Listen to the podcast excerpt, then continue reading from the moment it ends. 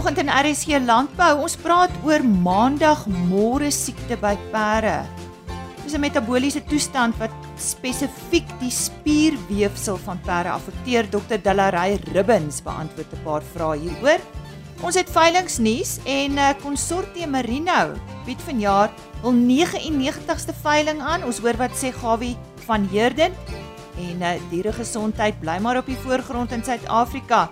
Ons medewerker Kristalise Miller het tydens verlede jaar se LRF skool daar by Aldam met professor Leon Prozeski hieroor gesels en ons hoor uh, hoe hy dink siekteuitbrekings hanteer kan word.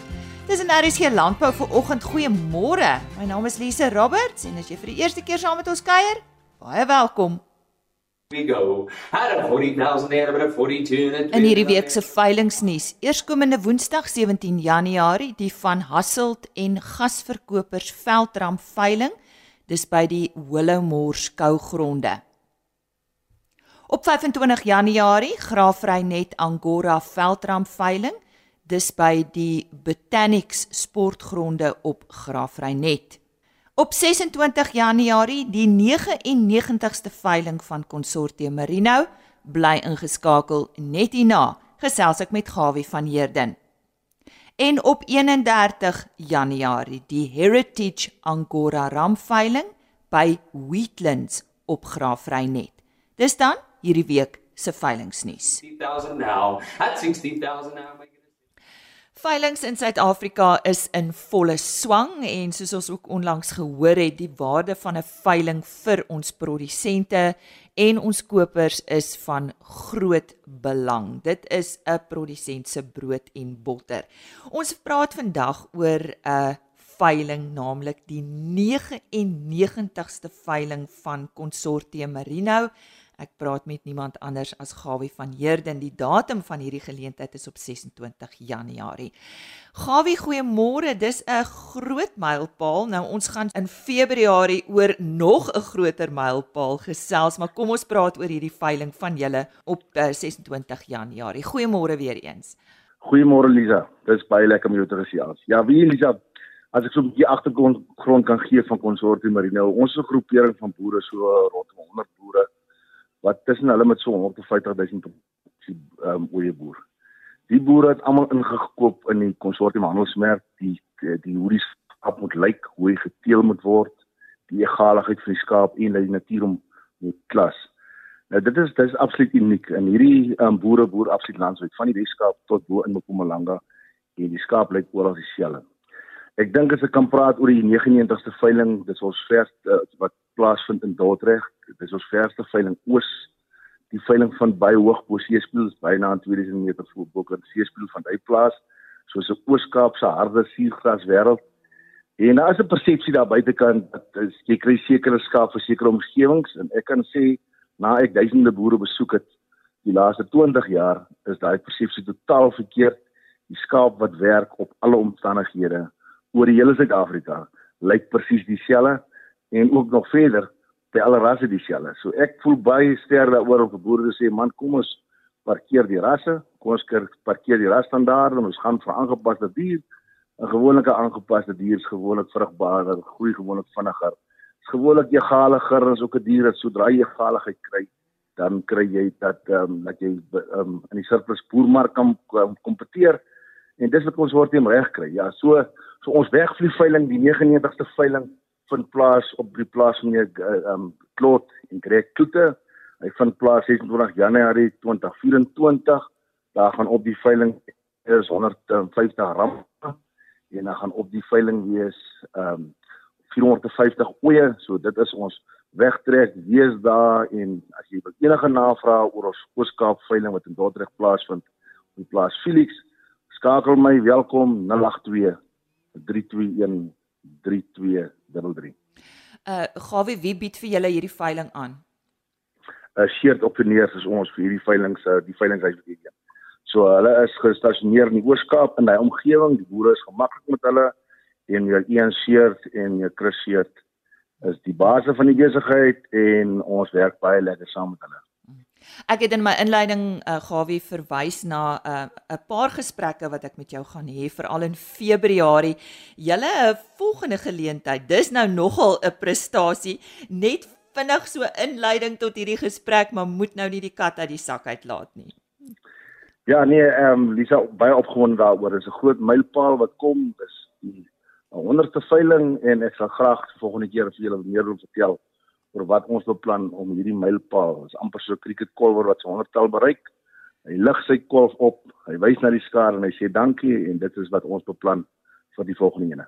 Kom ons herhaal net uh die besonderhede van die veiling waaroor ons vandag gesels het vir ons luisteraars. Dit is die 99ste veiling van Consortium Merino op 26 Januarie uh op Dordrecht en uh uh shared auctioneers is hulle uh bied vir hulle die veiling aan maar vir meer inligting skakel vir Gawie van Heerden van Consortium Merino 082 321 3233 en soos ek gesê het in Februarie gesels ek sommer 3 keer met 'n Gawie Diere gesondheid bly op die voorgrond in Suid-Afrika. Professor Leon Prozeski gee wenke hoe om siekte-uitbrekings te hanteer. Christelise Miller het uh, verlede jaar by die LRF veeskool daar op Aldam met hom hieroor gepraat. Ons praat nou met professor Leon Prozeski. Hy is van Path Diagnostics. As ons kyk na die situasie prof rondom dieregesondheid in Suid-Afrika, maar meer spesifiek siektes, wat is die stand van sake nou? Ek dink die die grootste probleem of die grootste uitdaging wat die rooi vleisbedryf um, om in die, in die oorstade op die oomblik is um back and closure. Um, ons weet die huidige situasie lyk dit of onder beheer is, maar kan enige tyd weer uitbreek. So dit bly wat betref die rooi vleisbedryf die grootste uitdaging wat ons die hoof moet bied op verskeie maniere. Ten opsigte van van siektes, wat is belangrike aspekte waarna produsente moet let? Een van die siektes wat wat my betref die grootste probleme veroorsaak is brucellose, besmetlike misgeboorte. Die een rede waarom dit in hierdie huidigelik in die land besig is om ver meer en meer te versprei is dat daar nooit 'n geskikte enstof beskikbaar was nie weens tekorte aan produksie maar die probleem is nou opgelos deurdat 'n privaat maatskappy Design Biologics produseer nou wel vir ons stam 19 en ek hoop en vertrou dat die boere hierdie geleentheid sal gebruik om hulle kuddes weer te end want dis die enigste manier hoe die siekte beheer kan word. En daar's maar 'n baie beperkte tyd wat jy het om jou vroulike diere te kan end sê basies so 5 na 8 maande buite daai periode kan jy hulle nie end nie dis maar 'n vensterperiode En as jy as dit verby is, is dit verby. So die boere moet dood eenvoudig die geleentheid wat daar nou is omdat daai enstof is gebruik en voorkomend optree. Wat moet hulle doen as daar wel enstoftekorte is? Ongelukkig is daar niks wat hulle daaraan kan doen nie en maar die mense by Design Biologics het ons versekering gegee dat daar voorraad sal wees. Hulle het nog altyd by hulle woord gehou, so ek vertrou dat daai probleem is opgelos en nou is dit in die hande van die boere. Prof en dan ten opsigte van vergiftiging daar is belangrike aspekte waarna gelet moet word. Kan prof dit vir ons uitlig? Ek dink as boere groot mortaliteite op hulle plase het, het sy of die oorsake moet nog eers vasgestel word, moet hulle dadelik kundige hulp kry. En dan praat ek van onmiddellik. Jy kan nie die volgende dag doen, jy moet dit onmiddellik doen. Kundiges moet na die plaas toe kom om die nodige ondersoeke te doen, die nodige monsters te kollekteer en om dan die nodige stappe te doen om verdere mortaliteite te voorkom. En gewoonlik werk ons in so 'n geval as 'n span saam. Dit is nie individu wat saamwerk nie, dis 'n hele klomp rolspelers, maar die belangrikste van alles is dat daar dadelik opgetree moet word en kundiges moet gekontak word. Wat is van die tipe vergiftigings wat voorlopend 'n kopseere is vir produsente? Van die grootste probleme is vergiftigings en dit is gewoonlik nie altyd nie baie keer geassosieer met arbeidsprobleme op die plaas. Die ander woorde moeswillige vergiftigings. Maar kan ook wees dat dit um, toevallig is of daar was 'n ongeluk gewees in die mengproses dat daar sekere middels wat teen 'n te hoë konsentrasie in die voeding gesit is. Maar ehm um, sukses wat my betref baie hoë persentasie is waar daar swak uh, arbeidsverhoudings op die plaas is daar probleme ontstaan het die probleem word nie opgelos tussen die boere en sy arbeiders nie en hulle reageer dood eenvoudig deur diere te vergiftig. En vergiftiging deur plante in die veld dit is verseker net so belangrik en daarom moet daar kundiges genader word Ehm um, ons het baie toksiese plante in hierdie land. Veral die tyd van die jaar is dit nog droog is en van die plante is groen. Ons dink aan gifblaar en baie ander siekte op plant plantvergiftigings.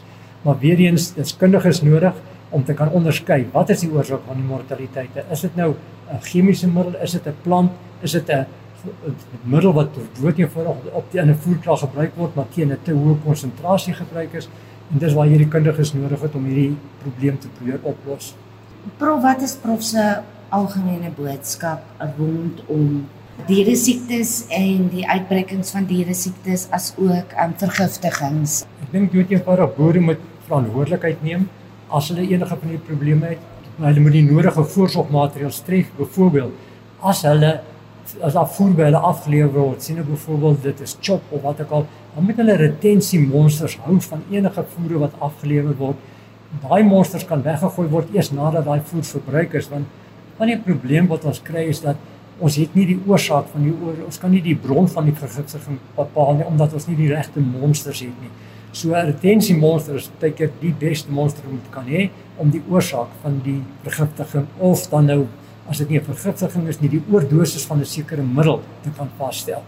Dan moet hulle 'n gebeurlikheidsplan in plek hê. Met ander woorde, die boere moet 'n lys van nommers hê van mense wat hulle gaan bel indien hulle hierdie probleme sou teweegbring. Dan goeie biosekuriteit op plaas. Moenie mense sommer toelaat tussen jou diere en goed nie. Net mense wat daar moet wees.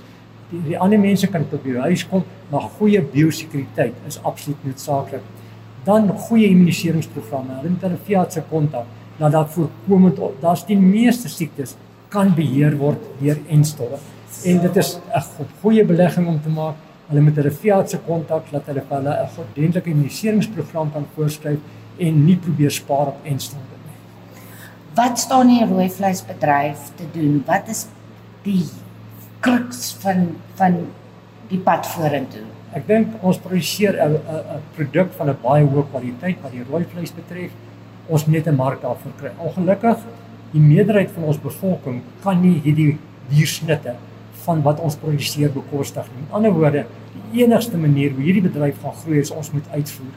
Ons het 'n hoë kwaliteit produk, ons het goeie boere, ons het goeie voerkrale en dan moet gekyk word na markte wat ons kan uitvoer en as dit gebeur sal die steenkalfvleis styg, die Eh, vleispryse in die land sal ongelukkig ook bietjie styg, maar dit is noodsaaklik vir boere om te kan voortbestaan en dit gaan die hele landbousektor gedoen. Dan kan ons ook die kommunale boere betrek met die uitvoer as ons meer en meer uitvoer. Dit is 'n bron wat nog ontgin moet word. Daar is uitdagings weer hierna verbonde, maar dit is 'n bron van vleis wat ons kan gebruik, maar ons moet 'n mark kry. En ons kan net die mark kry as ons ons mark huidige mark vergroot met uitvoere. En dis als uit privaat inisiatief. So sê eh, professor Leon Prozeski, hy is eienaar van Path Diagnostics Africa. En eh, Christelise Miller het met hom gesels.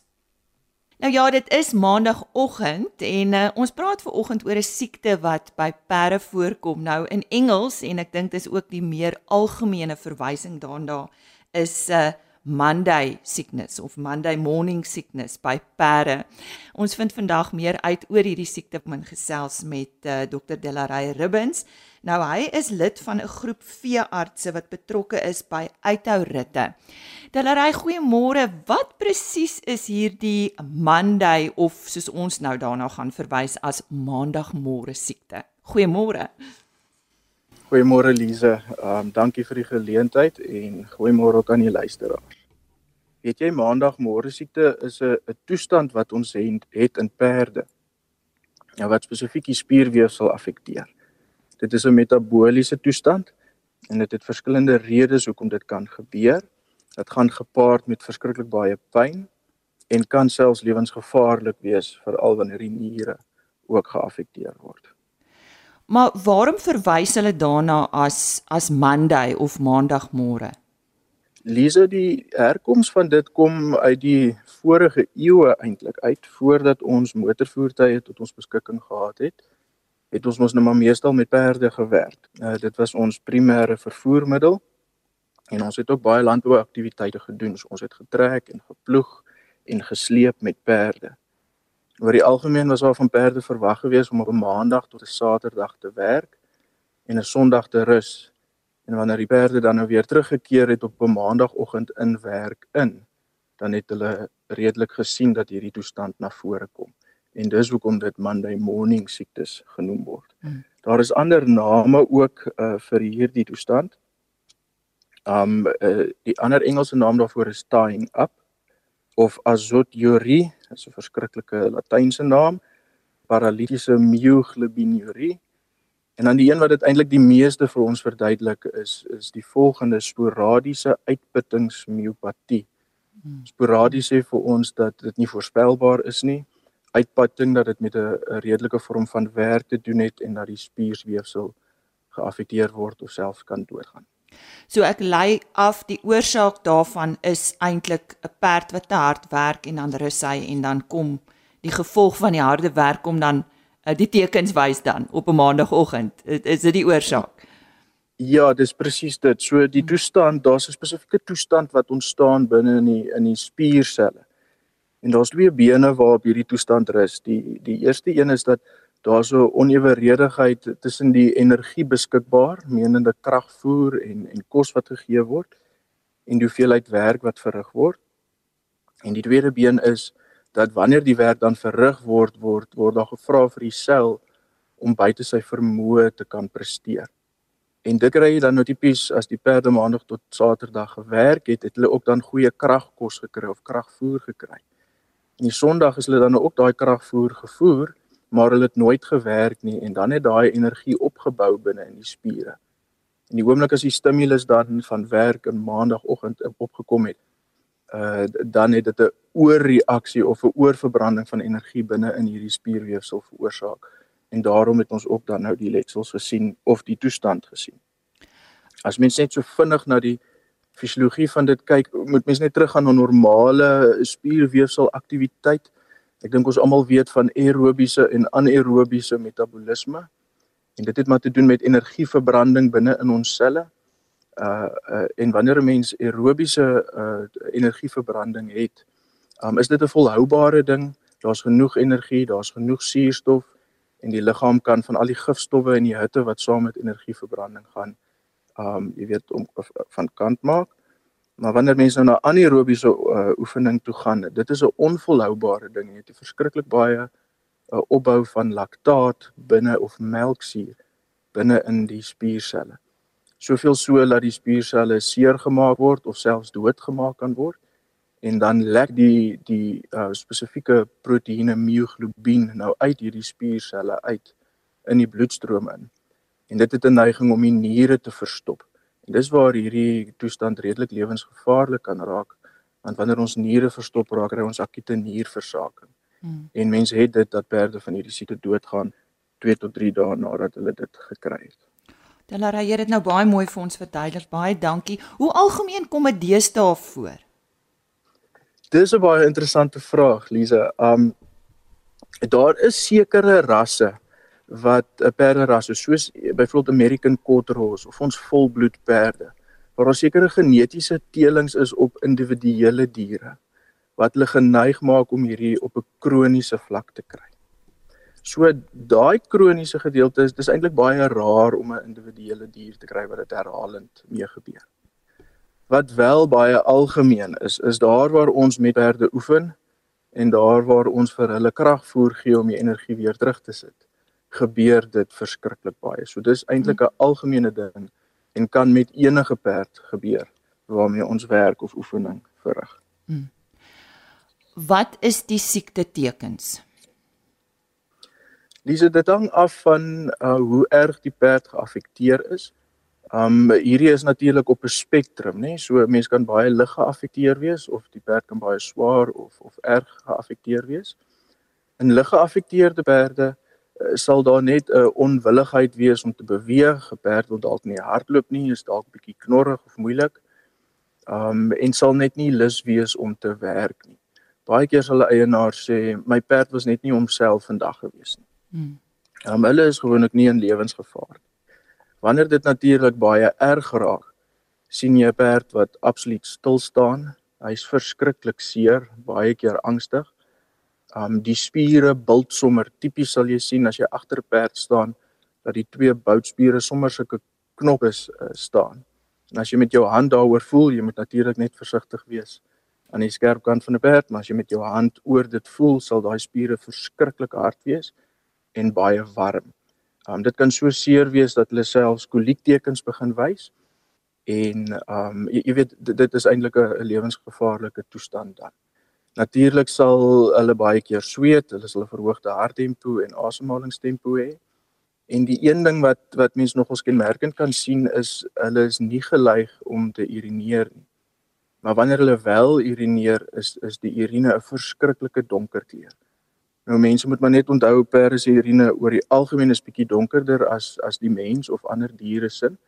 Maar as mens praat van 'n koffiekleur of 'n 'n 'n swart koeldrankkleur of selfs 'n rooi kleur as gevolg van bloed in die urine, hmm. dan weet jy daar's 'n probleem. En hoe behandel julle so dier? Lise dit hang weer eens af van hoe hoe erg die perd geaffekteer is, die individuele dier. Um in ligte gevalle is dit voldoende om die perd net op stalrus te sit vir 2 tot 3 dae definitief die kragvoer te sny. So mens voer die perd net op op goeie rivoer en dan so 2 na 3 keer 'n dag vir 15 na 20 minute te stap baie rustig en dit is om die bloedtoevoer net in die spiere in te kry om daai gifstowwe um uit te spoel.